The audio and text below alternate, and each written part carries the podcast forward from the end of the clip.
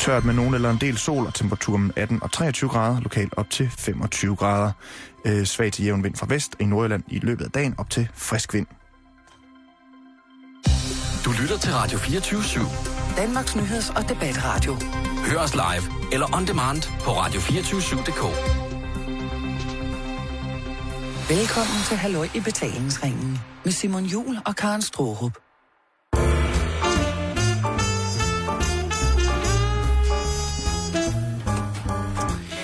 Ja, rigtig hjertelig velkommen, og vi skal da også lige rette vores ellers så dejlige introduktion og sige, at Karen Strohrup, hun er netop på ferie, hvis jeg kender hende ret. Ja, så her ved middagstid, så sidder hun vel et eller andet sted øh, ved nogle store bølger og hviler sig sammen med sit surfbræt og tænker, det var dog en dejlig tur på vandet. Til gengæld så har jeg fået den voldsomme ære og den meget, meget, meget store glæde at have en vikar på i den her uge. Og den her uge, der er det altså Carsten Eskelund. Rigtig hjertelig velkommen til, Carsten. Tak skal du have, og god eftermiddag. Selv tak, og tusind tak, fordi du altså har lyst til at vikariere for Karen. Det er sådan en stor, stor, stor ære. Nå, men vi skal i gang med dagens program, og har vi et program til folk i dag? Det synes jeg. Ah, det synes jeg også. I den grad. Og jeg skal da lige også i den forbindelse sige, at hvis folk har hørt, at der er noget, der skramler lidt i baggrunden, så er det fordi, vi har besøg af ingen ringer end Kalle Mathisens Verdensorkester, som i dag blandt andet skal forklare Carsten Eskelund hvordan en, og mig, hvordan en tromsol fungerer. Ja, vi har talt lidt om, det kunne være spændende at have en, øh, en sektion, der hedder, hvordan fungerer ting, som man ikke lige kan google sig frem til. Ja. Der er jo ting, man bare tager for givet og tænker, nå, okay, det er en trommesolo. Ja, det er det da. Men hvorfor er det egentlig, at der er forskel på en god og en dårlig trommesolo? Kan alle spille en trommesolo? Hvad gør det i et menneske som mig at lytte til en trommesolo? Og det er eksistentialisme på et højt plan. Vi bevæger os i det, Carsten. Jamen, vi er jo uge. ikke blege for ligesom at række lidt ud og stille nogle lidt flagrende spørgsmål. Vi er ikke bange for at række ud og selv gribe ind. Vi er ikke bange for at spørge i øst, og slet ikke få noget svar overhovedet. Og i dag fandt jeg ud af, at du er ikke bange for Vladimir Putin. Nej, det er, hvis der er nogen, jeg ikke er bange for. Så er han på top 2. Det var mest fordi, at jeg sad og kiggede på billeder, hvor jeg ser Vladimir Putin sænke sig selv ned i en ubåd. Han går på jagt i bar overkrop og, og fisker i bar overkrop. Og så vender jeg min computer imod Carsten, som sidder over for mig, og så siger jeg, ham her fyren, han er altså ikke rigtig for børn. Hvorefter Carsten Eskelund... Og du siger, at du er bange for ham? Ja. Vil du ikke være bange for ham, tror jeg, spørgsmålet Ja, er. det er spørgsmålet. Hvor det prompte kommer fra Carsten Eskelund? Nej. Nej. Og, øh, Hvorfor er du ikke bange for ham? Jamen, jeg tror simpelthen, enten går det jo to veje med en mand, der er så maskulin i sit udtryk. Enten er han virkelig så maskulin, eller også så er en mand, der prøver så hårdt at virke maskulin. Noget af det mest usikre lille menneske i hele verden, som egentlig bare har brug for, at der kommer en og siger, Vlatte, du er god nok, som du er. Du behøver ikke alt det der armbøjninger på knoerne, samtidig med, at du skyder efter bjørne. Det er fint nok. Vi, du skal bare være den, du er, og så er det fint, Vlatte. Men nej, nej, du ved, det er armbryster og buer og klippeudspring ja. og, og skære kylling og spækbræt, eller kyllinger og grøntsager på samme spækbræt. Og alt det der, han ellers smider op på Instagram for at virke mandig og I don't give a shit. Og jeg kører den ikke, Vladimir. Så hvis du lytter med lige nu, Vlad, kom ind til mig og få et kram. Vesterfejmarksgade 41, spørg efter Carsten Eskelund op på anden. Så får du kram, Vlad, og en småkage. Og så øh, kan du styre de der fotosessions der. Men og, dertil også lige øh, sige, at du er brunbælte i karate, Carsten. Det var jeg engang. Jeg ja. nok, eftersom jeg ikke har dyrket det i 11 år, så er jeg nok degraderet ned til et gult. Er det ikke lidt som at køre på cykel? Mm, det vil jeg våge påstå, at det ikke er. Fordi, skal jeg fortælle dig noget om karate? Ja, det skal du. Jeg dyrkede det jo engang nærmest religiøst. Jeg var i mine teenageår, der var jeg alt for genert til øh, at give mig i lag med det modsatte køn. Okay.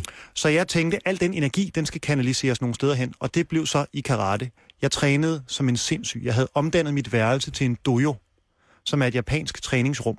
Jeg havde ikke et rigtigt værelse. Du var et mærkeligt barn. Jeg var, øh, ja, det var jeg vel. For at sige det mildt, jeg tror også, min mor har været bekymret. Jeg havde en sandsæk hængende i midten af lokalet. Jeg fik i konfirmationsgave ikke en vægttræning, eller undskyld, ikke et anlæg, men en vægttræningsbænk. Så havde jeg lavet en ribe i sløjt. Så havde jeg lavet en seng i sløjt, som kunne foldes væk, således at der var plads til, at sandsækken kunne svinge. Og ved du, hvad jeg også gjorde, Simon? Jeg tror endda, vi har talt om det her. Jeg tror, vi har talt om det her før. Nej, jeg ved det ikke. Jeg sad med flasker og slog dem mod mine skinneben for at hærde dem. Jeg var Vladimir. Du det var var, det var, jeg var Vladimir Putin, da du... jeg var 13. Måske følte du dig troet. Jamen, jeg ved jo, hvad Vladimir har været igennem. Prøv Og det er jo derfor, jeg kan forholde mig til Vladimir på det plan, jeg kan. Jeg skal, jeg vil sætte alle mine penge til hver en tid på dig. Mig mod Vladimir. Ja, det vil jeg. Det er et godt uh, Kanal 5-program. Ja. Vlad, Vladimir møder forskellige danskere, udfordrer dem i noget.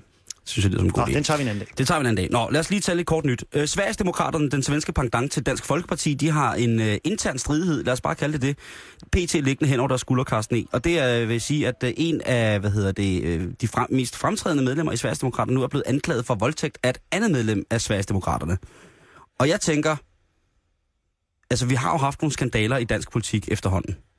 Øh, hvis man roder lidt i fortiden, så har der været Lure Andersen, der daværende IT-ordfører for Venstre, som jo altså blev taget i at lure på, sol, øh, på, på, på lækre kællinger i solarier med små kameraer, øh, eller et hul i væggen. Og vi har jo haft øh, den altid stedsenærværende Jeppe Kofod, som jo altså på en, øh, et påskelejr for Socialdemokratiets ungdom i Esbjerg valgte at tage lidt for hårdt for sig af retterne på, en, på det tidspunkt 15-årig pige, som så senere hen har udtalt, at hun har ikke, ikke lidt overlast på nogen måde. De er stadig på talefod, og, hvilket jo også frem maner et billede af en Jeppe Kofod som en hensynsfuld og øh, blid elsker. Mm. Men øh, ja, det billede skal man også have lov til at have. Men jeg vil bare, øh, jeg vil bare sige, at øh, det er en nyhed, som jeg tænker, den er ikke, det er ikke noget, vi behøver at, at, at lære af Sverige. Der er så mange folk, der siger, at vi skal lære af Sverige, de er så langt fremme på alle mulige punkter. Men det her, så kan man være politisk enig eller uenig med, med partierne, sådan noget foregår i. Det er ikke noget, vi behøver. Og jeg kan ikke, altså jeg kan godt øh, se, at hvis jeg kigger på, på billeder af Sverigesdemokraten, så kan jeg godt se, at der er folk, som er, er, er rent udseendelsesmæssigt, er, er i min optik og med, med, min, med min smagsløg, ret højt op på, på listen over, hvad man synes egentlig er ret pænt. Mm-hmm. Skræmmende, øh, at deres politiske holdning så øh, ligesom akkumulerer en, en, en smag af lort i min mund. Det må så være. Men hvis man kigger tilsvarende på Dansk Folkepartis øh, holdbillede og tænker, hvem skulle voldtage hvem her, så, så kommer jeg ikke langt i mine fantasier. Det er også en måde at komme rundt om agurketid på, det her. Det er meget det er spændende eksistentielle spørgsmål. Jamen, det er det. Øh, så vil jeg hellere... om de er spændende, der bliver... Nej. Ah, spændende, spændende er det nok ikke. Det, det det er er, øh, men som vi snakker om, vi er begge to glade for konspirationer. En konspiration for mig, det kunne være, hvem vil voldtage hvem. Altså, jeg synes, at det er noget, der skal være på et teoretisk plan. Så kan man sige, at der i den politiske verden nok foregår det, der hedder justitsvoldtægter. Det er nok ofte, at der i, i partier imellem er folk, der føler sig forulæmpet på deres meninger, Mm. men ikke får sagt fra. Men det kan også være den foruretning, som man føler rent politisk kan generere en seksuel energi, seksuel energi, som gør, at man på et eller andet tidspunkt slet ikke kan... Jeg ved ikke, det kunne være Pastor Kraup, som lige pludselig tænker, nu er det, nu er det nok. Nu er det, nu er det så vildt, at det har genereret en, en ting i mig, som gør, at jeg øh, rent fysisk må, må, må, gå, må gå i lag med en politisk modstander. Men der skal man spørge først. Ja. Der skal man være enige. Det kan godt være, at man ikke er enig politisk, men man må ikke bare gå ud og tage for sig retterne på, på kødbuffeten, på den politiske kødbuffet. Nej, nej, fy, fy, fy. Det vil jeg bare sige. Kort nyhed fra Sverige, altså at øh, det nationalistiske Sverigesdemokrat nu begynder at voldtage øh, inden for rækkerne. Jeg synes, det er fint. Øh, så må det ligesom være det. Det må koste nogle stemmer. må det ikke det? Alt andet lige. Ifølge, Vil du ikke som kernevælger, hvis der var et parti, der havde den slags ting kørende i egne rækker, tænke, er det der, jeg ønsker at placere min stemme? Eller skal jeg revurdere min opfattelse af det parti, jeg synes betyder noget for mig? Det kommer sgu an på, hvor voldsom Sverigesdemokrat jeg var, fordi hvis jeg var nation, nationalsocialistisk Sverigedemokrat, så ville jeg nok tænke, det er godt det her. Det bliver inden for egen rækker. Vi vil ikke have nogen ind i landet. De er for eksempel utrolig udenrigsfjendske i de Sverigesdemokrater. Der skal satan med ikke nogen ind i Sverige. De har jo ikke nok plads. Der må ikke komme flere ind i Sverige. Det belaster deres økonomi, det belaster alt muligt andet, deres sociale, deres sociale arv, og hvem fanden vil ikke gerne have, at knækbrød også eksisterer om tusind års surstrømming? Jeg spørger bare. Så du tænker, at der er vælgere, der vil værdsætte, at et parti forsøger at lave sit eget folk, kun bestående af folk med den politiske overbevisning? Ja, hvis det var nationalsocialister, så tænker jeg, det skulle sikkert være meget fint. Ja. Og endnu værre, det kan jo være, at der er nogen, hvor der lige pludselig påpeger, at det er en normal kutyme i partiet. At vi holder os inden for rækkerne. Vi parer ikke udenom. Tænk, hvis der kom en eller anden form for øh, sydeuropæisk lille ting ind i, i... Altså, det her, det er racerenhed ud over alt. Men hvordan er det endt? Jeg er, jeg er kommet så langt væk fra selve nyheden nu, synes jeg. Ja, okay. Det er endt på den her måde, øh, at det fremtrædende medlem i Sverigesdemokraterne er blevet frataget alle sine tillidsposter i partiet. Han har valgt at melde sig ud af politiet, og så længe han er under politiefterforskning, så har han ikke på noget tidspunkt noget at skulle have sagt i forhold til hans tidligere parti. Alright. Vi må følge sagen nærmere i de to dage, vi er tilbage her. Det I synes min jeg. vikaruge. Det synes jeg.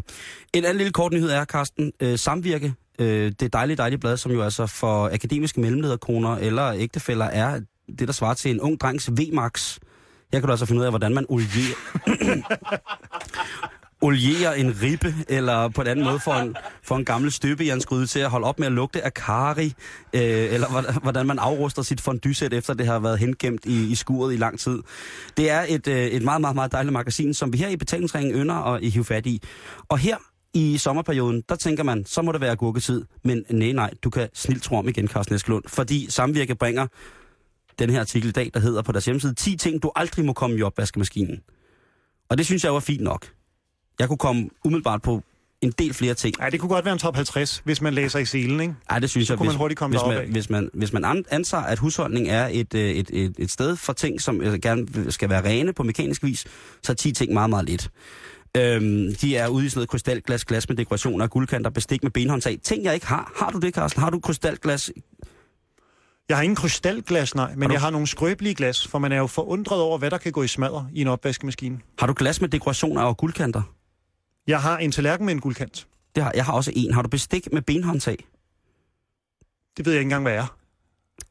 Hvad er et ben? Nå, altså er selve håndtaget. Ja, så Er lavet af en, ben. en flot kniv. Nå, en sådan mormor, der. mormors smørkniv med, med, med et bredt smørblad, en stor smørflade, øh, god til blødt smør, og så ellers med et håndtag i ben. Det kunne være et kohorn eller en menneskeknogle, hvis mormor var lidt mærkelig. Der må jeg med stor skam i stemmen svare også nej. Alle dine aluminiumsfade og dine øh, gastroeffektive kovergryder, dem må du heller komme i opvaskemaskinen. Har du mange af dem? Jeg har øh, to gryder, som jeg er meget opmærksom på, ikke kommer i opvaskemaskinen. Godt. Så det er noget, man faktisk godt ved, hvis Det er jo man... dejligt. Det er jo som at tale med Gallup, det her. Det er jo rigtig hyggeligt. Jeg kan godt sige hallo først, Du vil ikke tale med den ældste i studiet. Kan jeg, tale, kan, kan jeg tale med den, der bruger køkkenet mest i husholdning? Ja, jeg henter ham lige. Hvem er det? Det er os fra Gallup! Vi vil, vi vil er gerne advare mod verden generelt. Det er mit navn er Arne. Hvorledes kan jeg hjælpe? Øh, nu skal du høre her. Det er sådan, at øh, jeg har sad og kigget på, øh, på, hvad hedder det, på nogle hjemmesider for forskellige opvaskemaskinefabrikanter, hvor man så kan downloade pdf'er, som indeholder brugsanvisninger. Blandt andet ikoner med streger over, som dette må du ikke komme i opvaskemaskinen. Der var øh, blandt andet en, øh, en ikon hund med en streg over, den skal ikke i opvaskemaskinen. Der var øh, noget tøj med en stjerne på, det forstod jeg ikke, hvad var. Så hvis man har tøj, der er bygget i stjernerne, må du ikke komme i opvaskemaskinen. Der var sågar et billede af en brødrester, som var sluttet til øh, strøm, som henviste til, øh, til at, at ting med strøm i, må man ikke komme i opvaskemaskinen, når strømmen er slået til. Men det tror jeg ret generelt, at man ikke skal putte elektriske apparater af en type ind i et andet elektrisk apparat Jo, men de ikoner type. må jo være der på, på grund af et eller andet, Karsten. Der må jo være nogen, der har kommet deres hårdtørrer ind i opvaskemaskinen med strøm til eller et eller andet, og så er det hele gået... Helt Øh, bestemt. Så er de sagsøgt, og det er de nødt til at fraskrive sig Ja. et ansvar overfor. øh, så der, derudover så læser jeg, at øh, sådan noget som, øh, at man tror, at vaske, opvaskemaskinen desinficerer, desinficerer, desinficerer, er det jo. Ja. Ting, det er heller ikke helt korrekt. Jeg ved, du har haft hund engang, Karsten. Mm-hmm. Øh, kom I nogensinde hundens op madskål i opvaskemaskinen sænkt? Nu er den hellig grav velforvaret, den er helt ren. Jep. Det er fuldstændig forkert. Det er et under, at du ikke er død, eller at resten af din husholdning stadig står. Fordi at opvaskemaskinen, som vi kender den i dag, den vasker generelt kun op til mellem 60 og 70 grader. Og det er ikke nok temperaturpåvirkning til, at vi desinficerer de her baciller, som eventuelt hunden vil have. Hvor meget skal vi op på? 100.000. Men hvis jeg så håndvasker den i det varmeste vand, der kommer ud af hanen, så er det vel ikke engang nok. Nej. Den skal skoldes. Seriøst? Alright. Altså, det, det er jo, hvis du selv ynder at spise med den. Altså her med opvaskemaskinen, der tænker vi på, at vi skaber et trygt, fugtigt, varmt bakteriemiljø, som jo altså er noget... Altså, det er jo husholdningens svar på en petriskål. Altså, vi kan dyrke alt i det. Så hvis vi vasker den her skål, så bliver bakterierne bare rullet rundt på alt. Og lige pludselig, så har du knorhår og, og, og dufter alle, du kender i numsen. Så da min kæreste og jeg for nylig købte en stor kurv med Lego-klodser, Mhm. mm. brugte ved et loppemarked på Islands Brygge, og tænkte, de skal nok lige vaskes, før vores lille dreng leger med dem. Vi smider dem en tur i opvaskemaskinen i sådan en uh, BH-pose. Mm-hmm. Så har det ikke været nok. Sandsynligvis ikke. Et råd vil være at desinficere tingene først. I øh, en oplysning af noget, som vil gøre det, som selvfølgelig er øh, beregnet til almindelig husholdning, og så bagefter vaske det i opvaskemaskinen. Okay, Og jeg kan kun anbefale det samme med, med sexlegetøj. okay. Og det var kort nyt Tak. for i dag. Sådan skulle det lyde. Carsten, der er noget, jeg lige vil spørge dig om. Her øh, efter kort nyt. Og det er, at du elsker kaffe. Ja. Og du fortæller mig i dag, tidligere i dag, at øh, ude ved dig, der hvor du bor, dejligt, dejligt sted, øh, du bor virkelig ikke så langt fra min lille søster, øh, og det er et skønt, skønt sted, der var en kaffebar, der var lidt i troubles. Ja, det er jo det spændende ved at sende øh, radio med et andet menneske. Vi finder ud af lidt mere om hinanden, som tiden skrider frem. Hvor er det skønt. Og øh, det, jeg fortalte dig, det var, at jeg er blevet anparts indehaver af min lokale kaffebar. Hvordan sker det? Og så blev du så forundret Og jeg blev så glad. og så glad. Hvad var det i dig, der gjorde dig rart? Jamen, det, der gjorde mig rart, det var, at, at man som lokalsamfund støtter op om dem, som egentlig skaber en form for social flade i, i lokalsamfundet. Din kaffebar er pissehyggelig. Jeg har været der et par gange. Øh, også glimrende mad. At man mødes der, og lige udover at man mødes der som, som fælles, sådan, øh, at man synes, kaffen er god der, eller man får et dejligt stykke øh, skærfast tørkage, øh, som man kan indtage sammen med sin kaffe, også får noget socialt. Og man kan få en nok så god kaffe, men hvis man drikker den i godt selskab, så bliver den altså, fuck det, endnu bedre. Nemlig. Og det har du øh, taget til, øh, til efterretning, og da jeres kaffebar, øh, deres kaffebars ejer siger, at det her det går ikke mere, jeg kan ikke, øh, jeg, der er ikke nok guld i det her, så går du ind og gør, øh, så går I øh, ind og gør øh, noget helt fantastisk ved at blive anpartshaver. Hvordan gør man egentlig det? Jamen, der sker jo det, hvis vi må jeg tage historien helt Ja, fra, fra start, fordi synes du jeg, har du jo skal. virkelig ret i alt det der, du lige sagde. Øh, der er jo ikke noget som at komme et sted hen. Du kan huske tv-serien Sam's Bar. Den kan jeg huske. Og hvorfor tror du, den fungerer så godt? Øh, fordi Kirstie Alley var tynd dengang. Ja, og så den anden årsag. Det er helt klart Woody Harrelson. Ja, og så den tredje årsag. Det er jo, at man kan identificere sig med et øh, miljø med mennesker, hvor man ligesom kan være sig selv. Bum. Der har du den. Og det, der var så smukt ved serien, det var, at du har den i serien, men alle de seere, som ser serien, er jo med i en Sam's Bar i virkeligheden. Ja. Så de er kommet hjem, hver gang de ser serien, der hylder, at det er rart at komme hjem. Til dem, der godt kan lide en. Man føler jo, man er en norm, når de sidder og råber, og øh, ham den lidt korpulente herre kommer ind ad døren, og de råber, Norm! Så føler man jo, de taler jo til mig. Ja. Det er jo mig, de godt kan lide at være sammen med. Ja, det er rigtigt. Så det lille kaffested, hvor jeg sad og arbejdede og stille og roligt faldt i snak med nogle mennesker, det havde det for mig. Jeg har aldrig haft det sådan med en café før, at jeg i den grad var faldet i snak med 25 forskellige mennesker, der lavede alskens spændende ting og sager. Faktisk øh, blev vi så glade for hinanden, at jeg tænkte, det er ærgerligt, at vi kun mødes hernede. Så jeg inviterede, på det tidspunkt var kredsen ikke så stor, der var vi 10-12 mennesker, der snakkede sammen. Så inviterede jeg dem alle sammen hjem til mig. Til en grillfest. Det er kæmpestort, det der. Det, prøv at høre, det, det er det, det skal handle om hele verden, altså. Jamen, det er da den nærhed, som Ja. ja. man godt kan føle forsvinder lidt, som man er nødt til selv at tage vare om. Så jeg inviterede dem hjem til mig, og så blev det sådan, at det gik lidt på, øh, på skift med madklubben, og så stille og roligt er den blevet så stor, at vi simpelthen ikke kan have 25 gæster til spisning. Ikke? Og så øh, ham, fyren, der havde den, han var fanget i den der caféejers drøm, som mange øh, selvkørende restaurationsejere sikkert kender. At lige Ja. pludselig arbejder man 95 timer om ugen, og det ender med at koste en penge, og man er stresset, men man kan ikke opgive drømmen og alt det der. Og så lige pludselig så sagde han, nu kan jeg ikke mere. Nu er jeg nødt til også at bruge noget tid på min familie.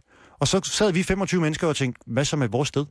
Ja, ja, det er fint nok, at du har dit lille kørende, men hvad med mig? Og min kaffe? Ja. Ja, for fanden. Og så blev vi jo enige om, hvis ikke vi gør noget, så lukker det her sted jo. Så vil lokalsamfundet jo være det her sted fattigere. Og der var på daværende tidspunkt lige en boghandel, som var lukket ude på Islands Brygge. Og der var der godt nok ærgerlig stemning på bryggen. Fordi så tænkte vi, åh, det er en super adresse lige ned til vandet. Nu er det sikkert kun en matas, eller en ejendomsmaler, eller et advokatkontor, der har råd til den dyre husleje. Så der var lige lukket en boghandel, hvor nogen havde prøvet at lave det her anpartsnøde. Oh. Men de havde ikke det, vi havde. De havde ikke en fast base, som kunne generere. Og det var faktisk ikke så meget, vi skulle bruge 300.000 kroner, Ja, skrevet vi sammen. Så man Hold skulle ligesom finde ud af, hvad kan man undvære. Og jeg kunne undvære 5.000. Ja. Det var det, jeg tænkte, at jeg kunne undvære i min beholdning. wow. Og så spyttede jeg det i, og så var der nogen, der sagde, okay, du har det. Og så blev der stille og roligt samlet ind, og så kom Pia en dag og sagde, nu, øh, nu kører det. Wow. Nu er vi i en café, og så kommer der nogle andre muligheder. Ikke? Så skal man til at være enige 30 mennesker Ja, ja. og nedsætte bestyrelser, og nogen vil noget og alt det der. Men det er jo alt sammen startvanskeligheder, man ikke ville komme til, hvis man ikke tog det første skridt. Så den kører sgu, den lille kaffebar der. Hold kæft, hvor er det godt. Ved du hvad, jeg synes, det er... Øh... Jeg, jeg er lidt rørt over, hvor fedt jeg synes, det er. Fordi det er noget, som øh, lo- lokalsamfundene trænger til det der. Det er en, en aktivering, og så er man gider. Mm. Jeg vidste jo ikke, hvor godt et nabolag jeg havde, før at der åbnede for 3-4 år siden en lille juicebar nede ved mig. Der er åbnet alle mulige andre større ting og sager, som ligner sådan en blanding mellem øh, kristne bønnecaféer og, øh, og sundhedshuse. Men den der lille café, den har ikke noget stort udvalg. Men det smager så pissegodt, fordi man altid møder nogen, man kan snakke med dernede. Det er en dejlig følelse. Og den er lille, lille, lille, lille, lille, lille, lille, lille, lille, lille bitte. Men jeg synes, det er et, øh, et, et, et, et eksempel på, øhm, på, hvad hedder det, på god stil. Var han ikke rørt, ham caféejeren? Hvordan, havde, hvordan tog han det? Jo, han, øh, han er... Gav han en kop kaffe, altså? Jamen, han er meget large, og det er jo også en stor gave til ham, at vi mødtes. For det er jo det, man også kan mærke. Der er jo en grund til, at din frugtmand kører så godt. Det er jo, fordi han er ham. Ja. Og han har sin tilgang til mennesker, som de mennesker, der kommer i butikken, har savnet i den øvrige del af samfundet. Ja. Og så bliver man draget ind af hans måde at være på. Og jeg tror da, at han, han havde det lidt svært, for han er blevet første mand dernede nu. Mm-hmm. Så han skulle også ligesom igennem en fase, hvor Gud, nu er det ikke mit længere, men det er stadig det, jeg har bygget op, men nu er der nogle andre, der bestemmer på et eller andet plan, fordi han ikke har enhændig beslutninger. Han er ligesom ansat som en form for første mand. Ja. Men det virker som om, at han har været igennem den der fase nu, hvor han kan sige, all right, nu er vi her, og nu har han faste arbejdstider, kan bruge mere tid på at være sammen med familien og alt det der. Så han er glad, men det er jo ikke udpræget simpelt at lige gå igennem den Nå, nej, transformation. men, men, men et eller andet sted, så har I også været med til at redde en mand. I har været med til at understøtte hans drøm. Ja. Det, det, det, det er 2013, det er jo et eventyr, det der. mm. Det, det er, hold kæft, hvor er det fedt. Og det spændende er jo, at så mange mennesker kommer ind i kaffebaren og aldrig har været der før og hører, når hvis er det så. Så, så når de hører, at der er 30, der har det, så har man det præcis ligesom du har. Fordi det er bare ikke historier, man hører så tit. Selvom det kunne det jo være. Jeg sgu øh, aldrig nogensinde hørt den.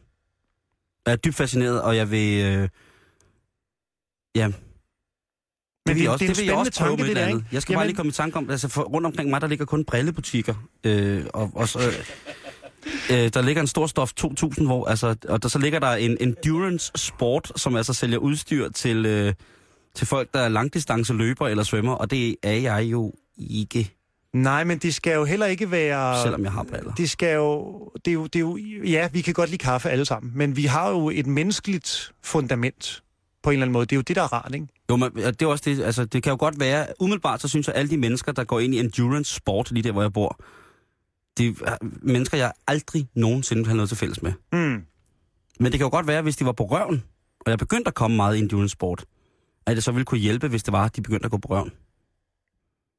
Og så køber I alle sammen sportsbutikken Lige så snart, og har at, et lille anpartsselskab. lige så snart at der er øh, et, et sted omkring mig, der er brug for en hånd på den måde, så vil jeg kontakte dig, Carsten, og så skal du informere mig om, hvad det er, man gør. Men, vi er jo enige, men jeg tror, det er ret uh, naturligt, at det her skyder frem oven i de her finanskrisetider, hvor ingen har en klink, ikke? Hele den her Ja. anpartsnøde, for jeg har da tænkt efterfølgende, hvorfor er alt i mit liv ikke anpart?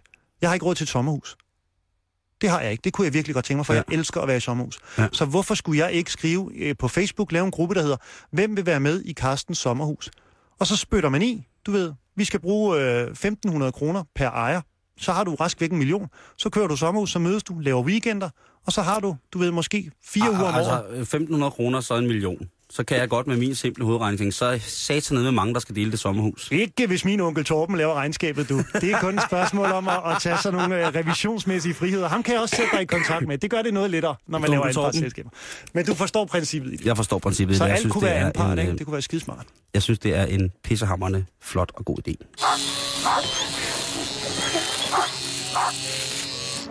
Jeg har lige barberet en labrador, en Sankt Bernards hund og en lille bernersinde. Smurt dem i løb på steg og sluppet dem ind til en sulten gris. Hjemme hos dig. Vi skal måske forklare, hvem det er, der sidder og har den dejlige latter. Ja, og, det, og det, det, kommer, øh, det kommer meget af sig selv, øh, faktisk øh, helt, helt, øh, helt naturligt nu, fordi at vi skal byde velkommen til, øh, til ejeren af øh, en værtskægte verdenstur, og det er øh, Kalle Mathisen. Kalle, hej, velkommen. Hej, mange Og tak. Tusind tak, fordi du vil komme. Det er så hyggeligt og, og informativt og underholdende. Det er dejligt at sidde her. Øh, og du sidder foran øh, et trommesæt Ja. i PT, og det er fordi, at øh, Karsten og jeg, vi har tit nogle ting, hvor vi undrer os over, hvordan ting fungerer. Ja, vi er nogle nysgerrige fædre, og der er jo noget i denne verden, man ikke rigtig kan forklare eller finde på nettet. Man er nødt til simpelthen at prøve at gå ind i en måske lidt flagrende samtale. Det kan jo godt være, det bliver det her, når man skal tale om musik. Det er jo ligesom at tale om, om vin og oplevelser. Så er noget rundt, eller noget er sårbart. Noget kan være alt muligt, der kan være lidt svært, men det er nogle gange øh, lidt rart at sætte ord på alligevel. Så vi har inviteret dig ind, Kalle, for at finde ud af, hvordan en trommesolo fungerer. For jeg har været ude og se noget jazz i løbet af jazzfestivalen, der er nylig afsluttet her i København. Og der så jeg et par trommesoloer eller to. Og jeg bliver bare suget ind i dem. Ja. Af en eller anden årsag. Der er jo også nogle gange, hvor man ikke bliver suget ind i dem.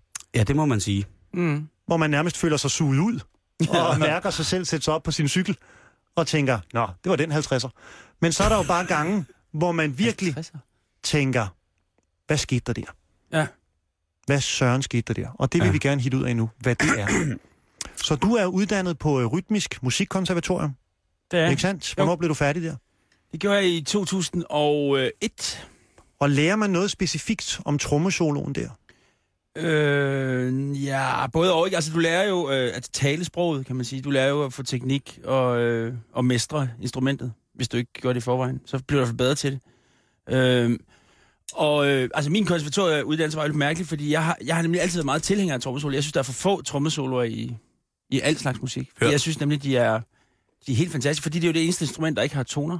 Så det er jo sådan en lille oase, hvis der kommer en trommesolo. Man ikke skal høre på de der fucking akkorder og toner hele tiden. At man bare kan gå ind i, i lyd på en anden måde. Og derfor, da jeg gik på kunst, så alle samspilslærer, så de sagde til mig, hey, du spiller for mange trommefælds, mand. Spil nu bare rytmen. Altså, hold dig til rytmen, ikke? Og derfor, da jeg, gik på, da jeg skulle på mit femte år, så skulle man specialisere sig. Og der sagde jeg, så laver jeg et soloshow, hvor jeg kan spille alle de fælds og trommesoloer, jeg vil. Og så startede Kalles World Tour. Altså, jeg har, jeg har beskæftiget mig meget med trommesoloer. Øh, fordi jeg er meget fascineret af det. Og fordi min spil, spillestil meget gør, at jeg har svært ved at, at løse en almindelig sådan sideman-rolle, fordi jeg spiller simpelthen for mange trommefills hele tiden. Skal vi lige øh, opsummere, hvad Kalles Mathisens World Tour egentlig er? Det er jo altså Kalle, som man kan finde i alle mulige øh, udstyrsmæssige øh, hvad hedder det, konstellationer, men gerne med selvfølgelig et trommesæt, hvor man kan slå på noget. Og så øh, er det udstyret sådan, så at Kalle kan sætte sig op alle mulige steder, uden strøm nærmest, bare kørende på batterier og sin egen gode energi og karma. Og så bliver der slået og spillet på alt, hvad der slås og spilles på. Kan, og med blandt andet øh, en af de meget, meget rytmiske øh, og voldsomt maskinelt stakerede instrumenter, som Kalle benytter sig af, det er en øh, boremaskine med, med øh, er det en, et, et, et piskeris på? Nej, det er den bøjede skruetrækker. Det er en bøjet skruetrækker, det, det, det var det, jeg lige glemte der. Øh, og der kan man altså øh, finde... Klassisk fejl. Der kan man altså, der øh, kalder en de få mennesker, der kan få mig til at danse øh, i det hele taget, men også til at danse til lyden af øh, bøjet skruetrækker i boremaskine på bækken. Det er jo en ting, som der, jeg synes øh, egentlig godt kunne indgå i, i, i et klassisk øh, ensemble øh, enhed eller sådan sammenhæng. Ja, men altså, desto flere, der ser det, øh, flipper jo over og spørger, om de selv må bruge det. Altså andre, janishar. Ja, for det er jo en, øh, man kan spille utrolig hurtigt med den jo, selvfølgelig. Og man kan få en pause i hænderne. Jeg skal også lige sige, at Kalle kan spille utrolig øh, hurtigt øh, i, i forvejen. Jamen, jeg har jo set Kalle spille, og det har du måske også, hvis du har været i nærheden af... Ja, du spiller vel også andre steder end i Indre København, men det er ofte der, jeg har set dig. Ja, det- hvor du sidder på se- din taburet. Ja. Det hedder World Tour jo, øh, Karsten. ja, men den har nogle gange base i den har København. taget Kan base vi i København, det? det kan man roligt Ja. sige. Den, har, den er startet der, og, og den er udspringer derfra. Det er min hjemstavn. Og så sidder du og optager dig selv. Ja, det kan jeg jo gøre med Loopstation. Ja. Øh, men når du spørger om det med trommesolo, så, så tror jeg jo, noget, der, noget af det, der er fascinerende med trommesoloen, er, at alle vil basic kunne gøre det.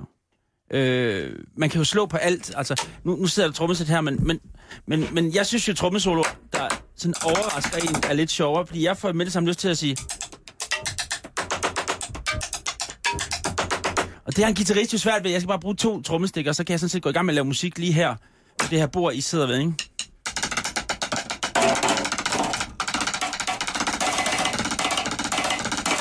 så er man er allerede i gang med et eller andet, ikke? Og det er jo det, der inspirerer mig, at, at, at, at man ligesom kan være overraskende på den måde. Det er jo svært for en guitarist eller en kontrabassist at gå hen og, og overraske sig selv. Men jeg blev overrasket af det der. Jeg, vidste, jeg vidste jo ikke, at den der næsten har en tone. Der er faktisk flere toner, kan I høre det? Det kan jeg faktisk ikke høre. Jeg må også indrømme, jeg, øh, jeg har ikke det store musiske øre. Nå, det var bare lige noget for mig. men øh, Ja. ja. men det, det er jo det, der er det fede ved trommer, at, at, at du behøver ikke trommesætte, du kan sådan set gøre det overalt. Øhm, når man nu hører en trommesolo, der ligger midt i et nummer, Ja. så skal den, nu gætter jeg bare, og så må du sige, om det er rigtigt eller forkert, for jeg gætter på, at en trommesolo har sit eget lille liv, Ja, selvfølgelig. men den skal jo stadig ligge inden for det liv, som sangen har. Det er fuldstændig rigtigt. Så det vil sige, når en sang er 40 sekunder gammel, ja. Og man skal have en trommesolo, så skal man starte i den sang, så det ikke lyder unaturligt. Ja, fuldstændig. Og så derefter, så har man så frit slag. Eller det, hvad sker det er jo, der? Det er jo ligesom igen, som du siger, det er jo svært, at- for det er jo fra person til person. Øh, hvis vi tager jazzsoloen, det er jo den, du startede med der med Jazzfestival, Ja. så, så er det tit, at så taler man meget om, at man skal prøve på at spille melodien, og man skal holde formen, som det hedder. Altså man skal, hvis, hvis, et, øh, hvis det er en blues-sang for eksempel, så, så er det 12 takter, så er nummeret 12 takter, før alle hele akkordtingen starter forfra. Og den 12-takts bevægelse må du ikke bryde ud af. Den skal du holde dig for. Du skal holde tempoet. Øh, og du skal prøve at spille nogle melodier, altså sådan at du... Altså jazz er tit sådan noget, man spiller på tirsdag, som I sikkert kender. Den der rytme på right bækken. Der er på tirsdag, der er på tirsdag, er er på tirsdag. Og så er en jazz solo faktisk tit, at man prøver at holde den og spille nogle melodier. Bare...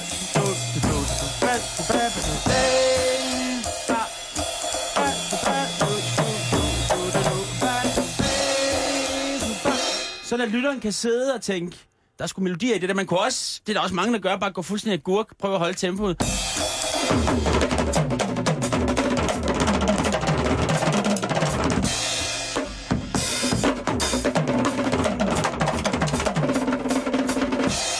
Men det er sværere at finde melodi i det, og der, der kan man sige sådan basic jazz, der, prøv, Ja, der det er, prøver man tit men på... man sidder bare og kigger, man er jo helt forstenet. Så du må undskylde, hvis jeg ikke reagerer, men man er jo bare helt... Nej, øh, men hey, det, det er jeg vant til, jeg er vant til. Altså. Men man kan Øh. jo bare godt blive lidt paf, fordi det er simpelthen, og nu spiller jeg jo heller ikke på noget, men det er simpelthen så imponerende.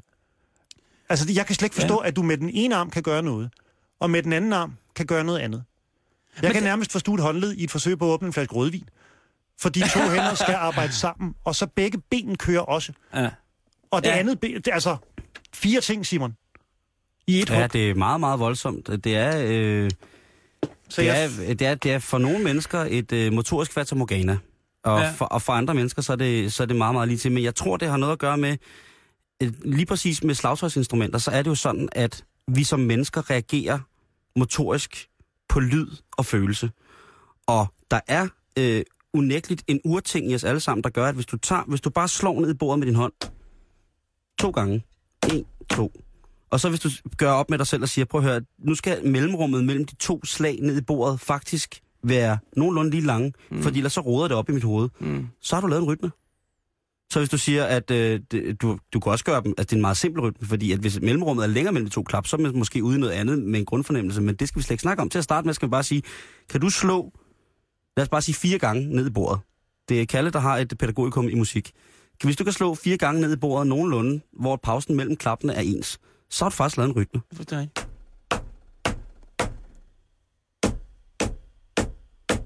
Ja, Bum. det var først Simon og så Carsten bag. Det var fuldstændig fantastisk. Du sagde, at, du ikke kunne åbne en... øh, Var det der en var- rytme det, der? det, var der jo. Det der var rytme, og det der var var, da- og der var tempo, fordi du holdt, der var lige langt mellem slagene, så der var du, du, du, du, du. Og det er jo, hvad- med det samme, man hører tempo, så, så er musikken jo i gang, fordi så har man alt muligt, man kan hænge op på det tempo. På Carsten, det du lavede der, der, det er det, som folk danser aller, aller, aller, aller mest til i hele verden lige for tiden. Det er fuldstændig Det hedder fire i gulvet, og det betyder, at der er fire slag på stortrummen hele vejen i det, der er, kaldes en fire fjerdedels takt. Det vil sige, at vi har fire, at perioderne, som musikken er, det, musik er meget matematik, men det skal man bare lade være med at tænke på. Mm. Men det vil sige, at perioden den er i alle fire slag. Perioden er fire slag, og på alle fire slag, så markerer du et slag. 1, 2, 3, 4. Og så starter du forfra. 1, 2, 3, 4. Kalle, kan jeg få fire i gulvet? Så hvis du kan gøre det i dine fødder, så kan du få et job med DJ Alligator eller sådan noget. Infernal. Infernal måske. Medina. så så ligger kan- verden åben. Hvis du så kan slå øh, der, hvor pauserne er på hi-hatten, så har du øh, den klassiske umtsch, umtsch, som... Øh, Ja, og det er jo der, det så bliver svært, ikke? Og man Jo, jo, skal på konservatoriet Man skal starte et sted, ikke? og alt det der. Jeg har, Der- jo- jeg har en teori om, at jeg kan lære alle at spille den her rytme her. Jeg skal lige have. Helt basic uh, Billie Jean, uh, nummer et rytme. Men Er du ikke sød og går til den det? kan- Jeg skulle lige til at sige, jeg har en teori om, at din Den- teori er forkert. Ja, men du, jamen, det kan vi ikke gøre nu, for jeg skal have dig i en time, hvor du gør, som jeg siger. Det, okay. Det vil tage en time. Men du, hvis du gør, som jeg siger, øh, og altså selvom, og det er svært, at, sådan, at du bliver ved med at gøre det, jeg siger, ja. Så kan jeg lære dig at spille en rytme på en time. Men du skal tænke på, Carsten, der er at utrolig mange mennesker, som er konservatoruddannet, som faktisk lever af at spille fire i gulvet. Fuldstændig. De lever af, de lever af at, at, at, at trampe i gulvet med lige lang pause mellem trampene. Men kan vi så hoppe til det spørgsmål, jeg har stående her på, øh, på min sæd, hvor der står, om der er forskel på en hurtig og en langsom trommesolo? Ja, ja, fuldstændig. Fordi I det, man jo grad, ofte mand. bliver duperet af, gør jeg i hvert fald, det er farten. Ja. Det er, når man tænker, oj, oj, oj, oj, oj tak for kaffe. Har han Ja. seks arme, eller har han syv arme? Hvor meget ja, ja. kører der egentlig der? Ja. Og det er vel noget, jeg kunne forestille mig egentlig er, måske, øh, jeg skal ikke sige, det er lettere end at spille langsomt. Men jeg kan godt forestille mig, at det er et trick, man kan falde for. Ja, det er Og fuldstændig. ja, gud, ja. det er fart, han må være verdens bedste. Fuldstændig. Men hvis man så hører noget langsomt, så er der, er der nogle andre ting, der træder i kraft. Ja, fuldstændig. Kan vi tale om den kort, eller undskyld, den langsomme og den kontra den hurtige? Ja, det kan man nemt. Altså, jeg er også meget, jeg, har, jeg var meget fascineret af, af at spille hurtigt, øh, og har tjekket mange ting ud på den front. Og, og desto ældre man bliver, desto trættere bliver man jo i håndledene, og, og langsommere af sig selv, kan man sige. Så når man møder tit, når man møder gamle trommeslager, som jeg er meget fascineret af, en til som Jim Keltner for eksempel, han spiller meget langsomt. Eller Og ikke hvem, langsomt, hvem spiller men... han med, Jim Keltner? Jamen, lige nu spiller han med Bill Frisell, som er sådan en, øh, en guitarist. Han spiller med Tom Petty and the Heartbreakers. Mm. Han er sådan en, han, har- han har gjort den her rytme meget øh, berømt. 3, 4... Meget simpel rytme, men hvor, men hvor man prøver at få 8. delene til at svinge, så de ikke er lige, som det hedder. En sådan meget tysk måde at spille den rytme på, vil være sådan her. Hvor alle slag er lige høje, men han svinger på den sjov måde. Men, men når han det er reelt samme rytme, de to der. Ja, men det er noget med feel. Det, og det er desto ældre du bliver, desto mere du har spillet den, så kan du sådan begynde at ligge på den sjove måde. Det gør han rigtig meget. Når han spiller solo, kunne det være sådan noget... Øh...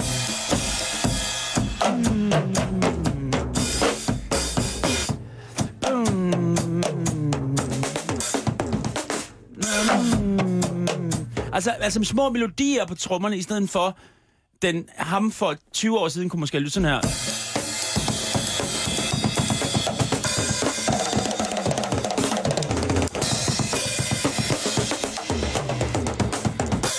Altså, altså hvor man mere er bliver tænder på, på, på tempoet. For det er jo det, man kan med trommer. Man kan spille mega hurtigt, fordi du har fire lemmer, du kan bruge hele tiden. En bassist eller en pianist har kun fingrene. Han har så til gengæld selvfølgelig 10 fingre. Men, men her der kan, altså, og man kan spille så mega højt på trommerne. Akustisk. Jeg kan jo give jer høreskade, hvis det var et større trommesæt. Og I var lidt tættere på mig, så kunne jeg næsten give jer 10.000 bare helt akustisk, hvis I stod herovre. Ikke? Det er jo det, der er farver power. Ja. Carsten ser meget, øh, meget glad ud for det her. Jamen, det er også øh, ofte, er man jo ikke så tæt på, når der bliver lavet trommesoloer. Nej. Men her sidder man jo virkelig, øh, virkelig dejligt tæt. Men, men jeg er stadig, var, var det langsomme trommesoloer, det der? Ja, hvad mener du med langsomt? Ja, ja, for, for mig er det langsomt, fordi der er langt imellem slagene. Man kan også spille utrolig langsomt. To, tre, fire. Øh. Det er en langsom rytme, kan du høre det? Ja. Altså, det er en en ballade? Og så spille solo over det. Altså, så, men men det, er jo, det, er jo, det er jo derfor, det er lidt svært at snakke om, fordi langsomt, hvad betyder det? Du kan jo også spille et hurtigt tempo og spille langsomt over det, for eksempel øh, noget jungle.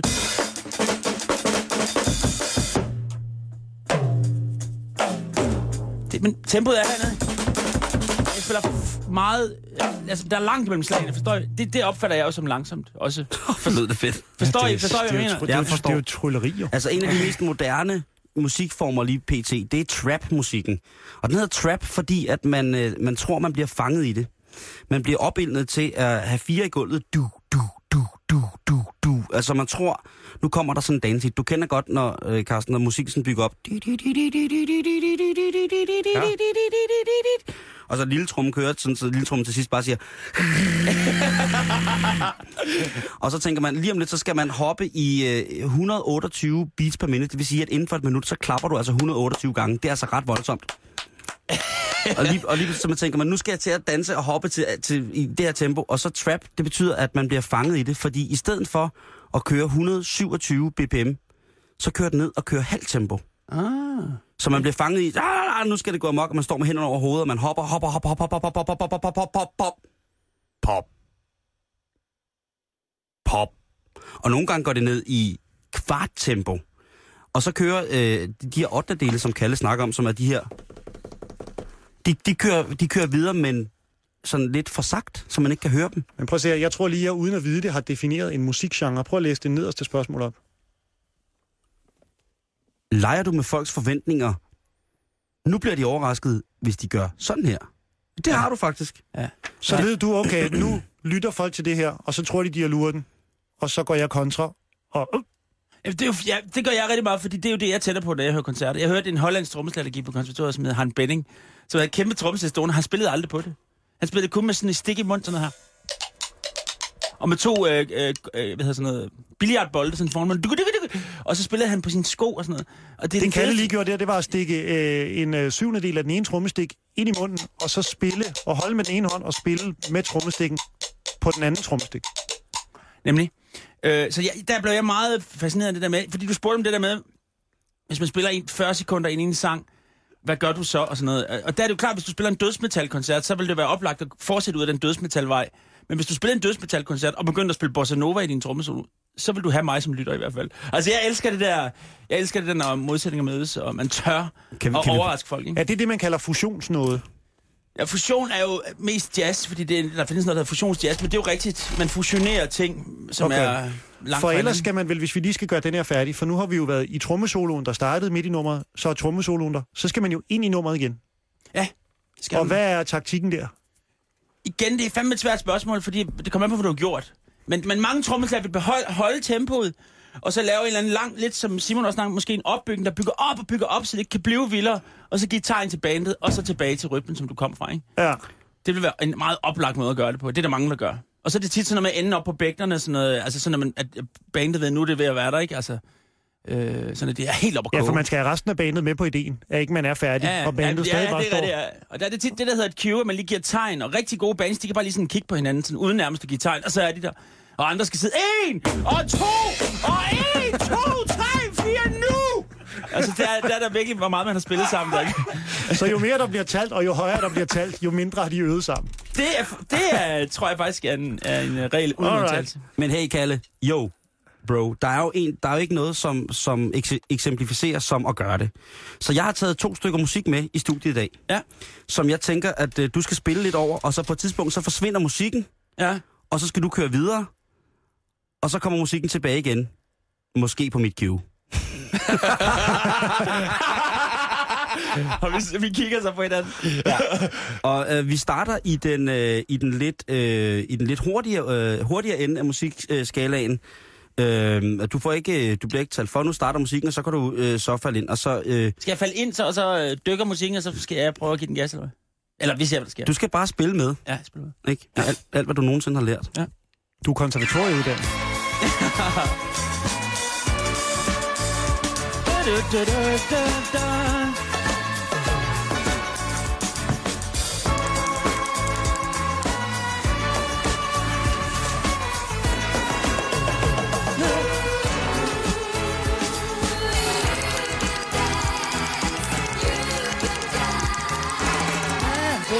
time of your life.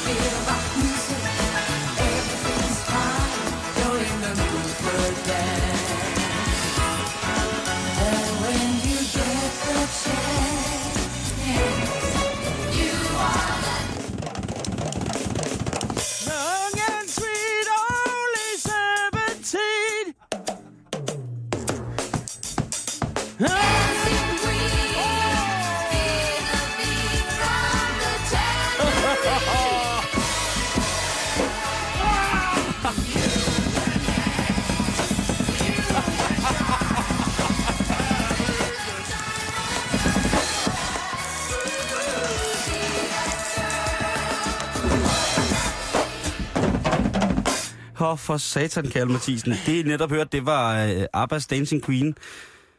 Udsat for Kalle Mathisens øh, World Tour. Og øh, Hold nu kæft. hvad siger du, Carsten Og Eskelund? det kan jeg lære på en time, det der. Ah, den her kan du lære. Du kan lære grønrytme. den her kan du spille med, Abba.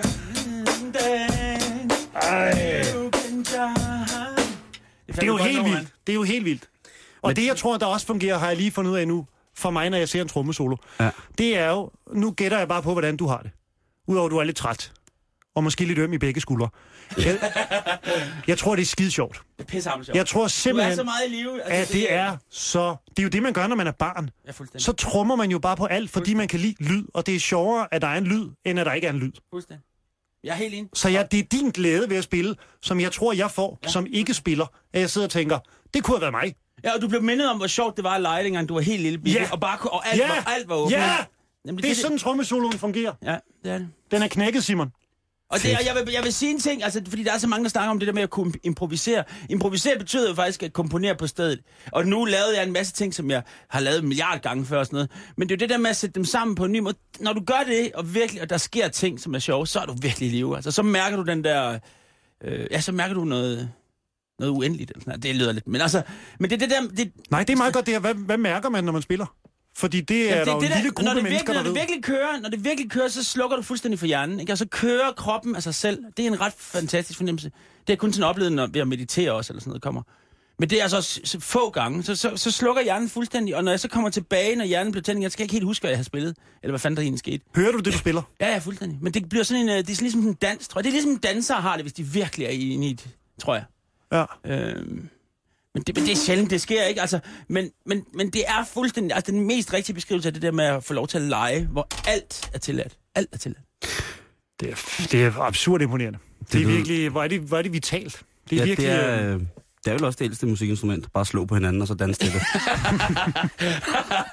Til på Crazy Daisy. Ja, ja, det er Roskilde. Det er min egen hjemby. Det er bare lørdag, lørdag morgen, du. Så er der trommesolo på mennesker med mennesker. Hvad hedder det? Jeg tror, kan- stemmen kunne gøre det samme ved, at hvis der stod en, som sang pissehammerende godt her, og sang jeg lige ind i fjeset, så tror jeg, det ville lidt være den samme fornemmelse. Og det er jo det der med, at vi alle sammen har stemmelæber. Vi har alle sammen et hjerte, der slår i en puls. Vi har, ja, lige nu slår jeres hjerte jo i en puls, som man vil kunne måle. Hvis det er sådan normalt, så ligger den til omkring 60, så betyder det 60 slag i minuttet, ikke? Det er sådan cirka... Det er ligesom sekundviseren, faktisk. Øh, det er sådan cirka der, ikke? Og der er der faktisk mange, der tænker på, at trommeslager spiller bedst, hvis de finder deres eget tempo og bliver der. Det havde en bassist, der hed Charles Mingus. Han kunne spille. Han lærte uh, trommeslageren at kende, og så fandt han ud af, ham der, han ligger bedst omkring 120. Ham der, han ligger bedst på et andet sted, for der er hans grundpuls.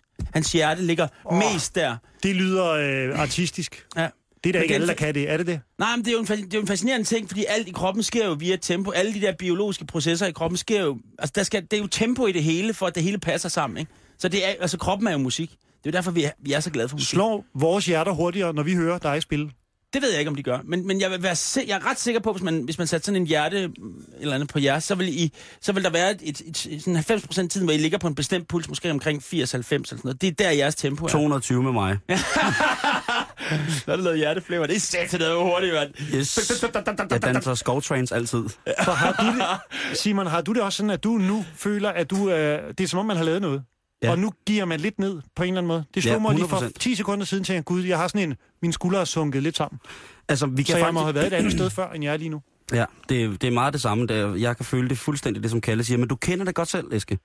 Når du har været optaget, Ja. og, øh, og du har stået på scenen foran øh, 500 mennesker, eller 1000 mennesker, eller bare 30 mennesker, som har givet dig en respons på det stand-up, du har lavet. Fuld, altså hvor man tænker, wow, det her, det var, altså vi processerer noget hinanden. Mm. Vi har en kemi, som vi ikke, som vi ikke behøver at bruge ord til, som opstår i det kreative rum, når man ja. udfolder sig øh, artistisk på en eller anden måde. Kalle gør det med lyd, du gør det jo også med lyd. Der, er lidt, folk, der sidder folk og lytter på dine ord. Øh, og der kan tempoet jo også stige, at man kan komme til at svede, og man kan blive berørt på en eller anden måde. Det er fuldstændig den samme øh, kropslige proces, som man bliver påvirket af, som for eksempel når vi hører trommer, ikke? Mm. Øh, Så du kender den godt, men ja, det har jeg. Ja. Men, men jeg har, jeg har, øh, jeg har det på fuldstændig samme måde som Kalle, at jamen, når der kommer øh, for det øvede øre, vil man også vide, at Kalle er en teknisk ekvilibrist. Øh, det har han jo selv snakket om, han spiller for meget, men der er også en ting er at spille for meget, så er det forfærdeligt, der ikke passer ind i nogen ting. og noget andet er at spille nogle ting, fordi at man rent faktisk kan det, og kan få det til at passe ind i ting. Mm. Nu hørte du selv Kalle med, med rimelig ringe øh, lydforhold i forhold til at kunne, øh, lydgengivelse forhold, i forhold til ABBA, spille henover og få noget ind i rytmen. Øh, og selvom jeg skruer ned for musikken, så skruer jeg op, i- da jeg skruer op musikken igen, så holder Kalle faktisk stadig tempoet. Det forstod jeg ikke. Jo, altså selvom musikken forsvinder, så er det som om, at pulsen kører videre ind i ens krop for det musik, man lige har spillet. Øhm, så det, det er meget naturligt, at man har, hvis man har for eksempel, lad os sige, et minut af god musik ind i ørerne, og så skal man spille videre selv. Så en rigtig god trommeslager, han vil øh, blive ved med at spille den puls, fordi han ikke ligesom følte, at man skulle gøre noget andet. Endnu vildere, som Kalle gjorde, så stopper musikken, og så, spiller, så har Kalle pulsen ind i hovedet, men så spiller han alt muligt andet henover. og så når jeg skruer på musikken igen, så siger det put, og så spiller Kalle igen i samme tempo, på samme måde, som passer til musikken. Den der fornemmelse, man har inde i kroppen, som ligesom du også kan, når du har optrådt med, er jeg færdig nu, når man kommer ned ad scenen? Ja. Mm. Kommer ned ad scenen og tænker, prøv man, jeg havde der 10 minutter, exceptionelt 10 minutter i mig stadigvæk. Øhm, det er der, hvor trommesoloen eller comedyen, eller her, det er der, trommesoloen fungerer. Det er, når du går fra, kon- går fra koncerten på, til, til Copenhagen Jazz Festival, og, og, og tænker, Og held og lykke med at banke den op. ja, lige præcis, og tænker, sikken en gørner laden på de trommer. Ja. Øh, den fungerer stadig, så jeg har det sådan med store, øh, med, med store soloer, som man ligesom hører. Man bliver fanget i det i momentet 100%, men efterrationaliseringen i, hvad der skete til den solo, øh, øh, er, sådan, er der, hvor man ligesom kan bygge op og, og, og, og begynde ind i sig selv at danne et billede af, hvad det er for et menneske, der har, har spillet soloen. Mm. Øhm, nu, sagde, nu sagde Kalle for eksempel Charles Mingus. Øhm, jeg skulle lære det med for eksempel den fantastiske nu afdøde danske kontrabassist Niels Henning- Ørsted Pedersen, som jo egentlig ikke gjorde det særlig meget soloer. Øh, han spillede da tit en solo, når han blev bedt om det, men det var tit sådan, jeg spiller 32 takter, og så kommer vi ind igen. Det er jazzbreak, der er solo, den skal jeg nok lige tage. Og i starten, da han spillede jazzsolo, når man hører gamle optagelser af Niels Henning Ørsted Pedersen spille sammen med rigtig, rigtig store, verdenskendte musikere øh, i Jazzhus Luk Efter, for eksempel Tivoli, eller i, i koncertsalen i Danmarks Radios gamle koncertsal, så gik det enormt hurtigt. Der var mange ting, der skulle ske. og når man hørte hans sidste plader, inden han desværre skulle afsted, eller når han bare akkompagnerede andre, det, det, så var det simpelthen et valg af toner, som var formelt, men det kunne næsten ikke være mere rigtigt. Og man tænkte selv ved sig selv, hvis jeg skulle sætte en tone til den akkord, eller til det sted, hvor vi er i sangen, så vil jeg ikke sætte den der. Det, han er, det, men det, han gør, det er så meget bedre, end det, jeg har tænkt, så det bliver genialt. Og når man så har, har hørt det live, så tænker man så, gud, hvor rammer han? Hvad, hvad gør han i den solo der, ikke? Det samme med, hvis man så en trommeslager, en, lad os tage en stor øh, trommeslager, som, vil, øh, som kan spille alle mulige mærkelige ting. Øh, Kalle hjælp mig. Det kunne være, lad os sige... Øh, jo, lad os tage Vinnie Colaiuta. Han er et rigtig godt, Ja. øh, rigtig godt eksempel. En trommeslager, øh, som startede med at spille sammen med Frank Zappa i hans gamle dage i det, der hedder Mothers of Invention, som var en blanding af, af cabaret, øh, virkelig, virkelig øh, teknisk svært fusionsmusik, øh, rock, øh, oper, øh, operette, spoken word, alt muligt. han kom fra en klassisk jazzbaggrund, i virkeligheden. Han har selvfølgelig også spillet rocktrommer.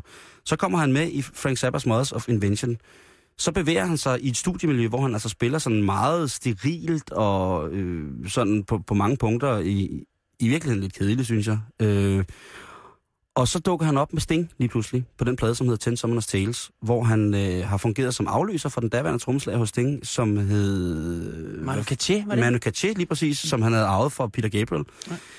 Og der kommer altså nogle ting ind, som gør, at øh, lige pludselig så begynder han at leve lidt igen. Og Sting har også et ry for at spille med utrolig gode trommeslager. Ja, det gør han. Øh, og Vinnie Colaiuta efter Sting, så ryger han altså over til Megadeth, skulle jeg lige hilse at sige.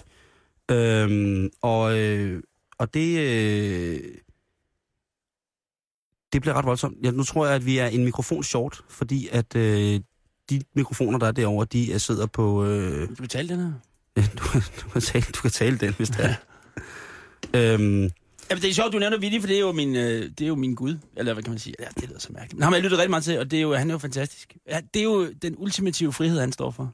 et eller andet sted, ikke? Fordi lige pludselig så spiller han altså med Megadeth, Ja. øh, i stedet for at spille med, med, med Sting. Så det, er, så det er det.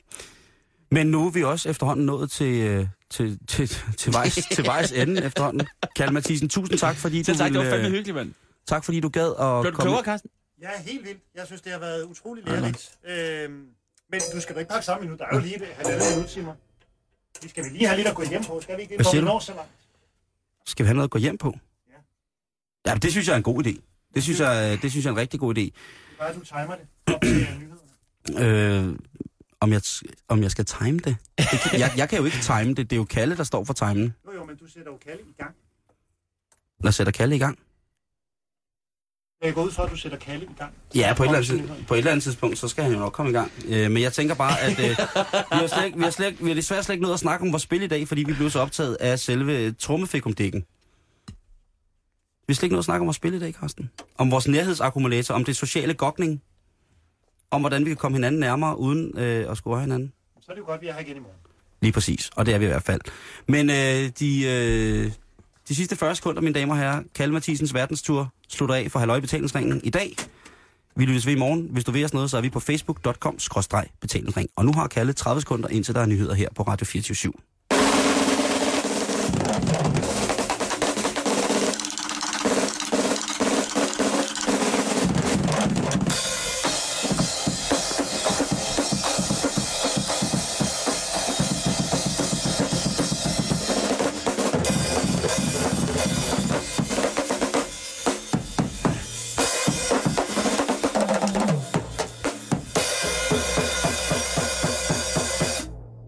2015.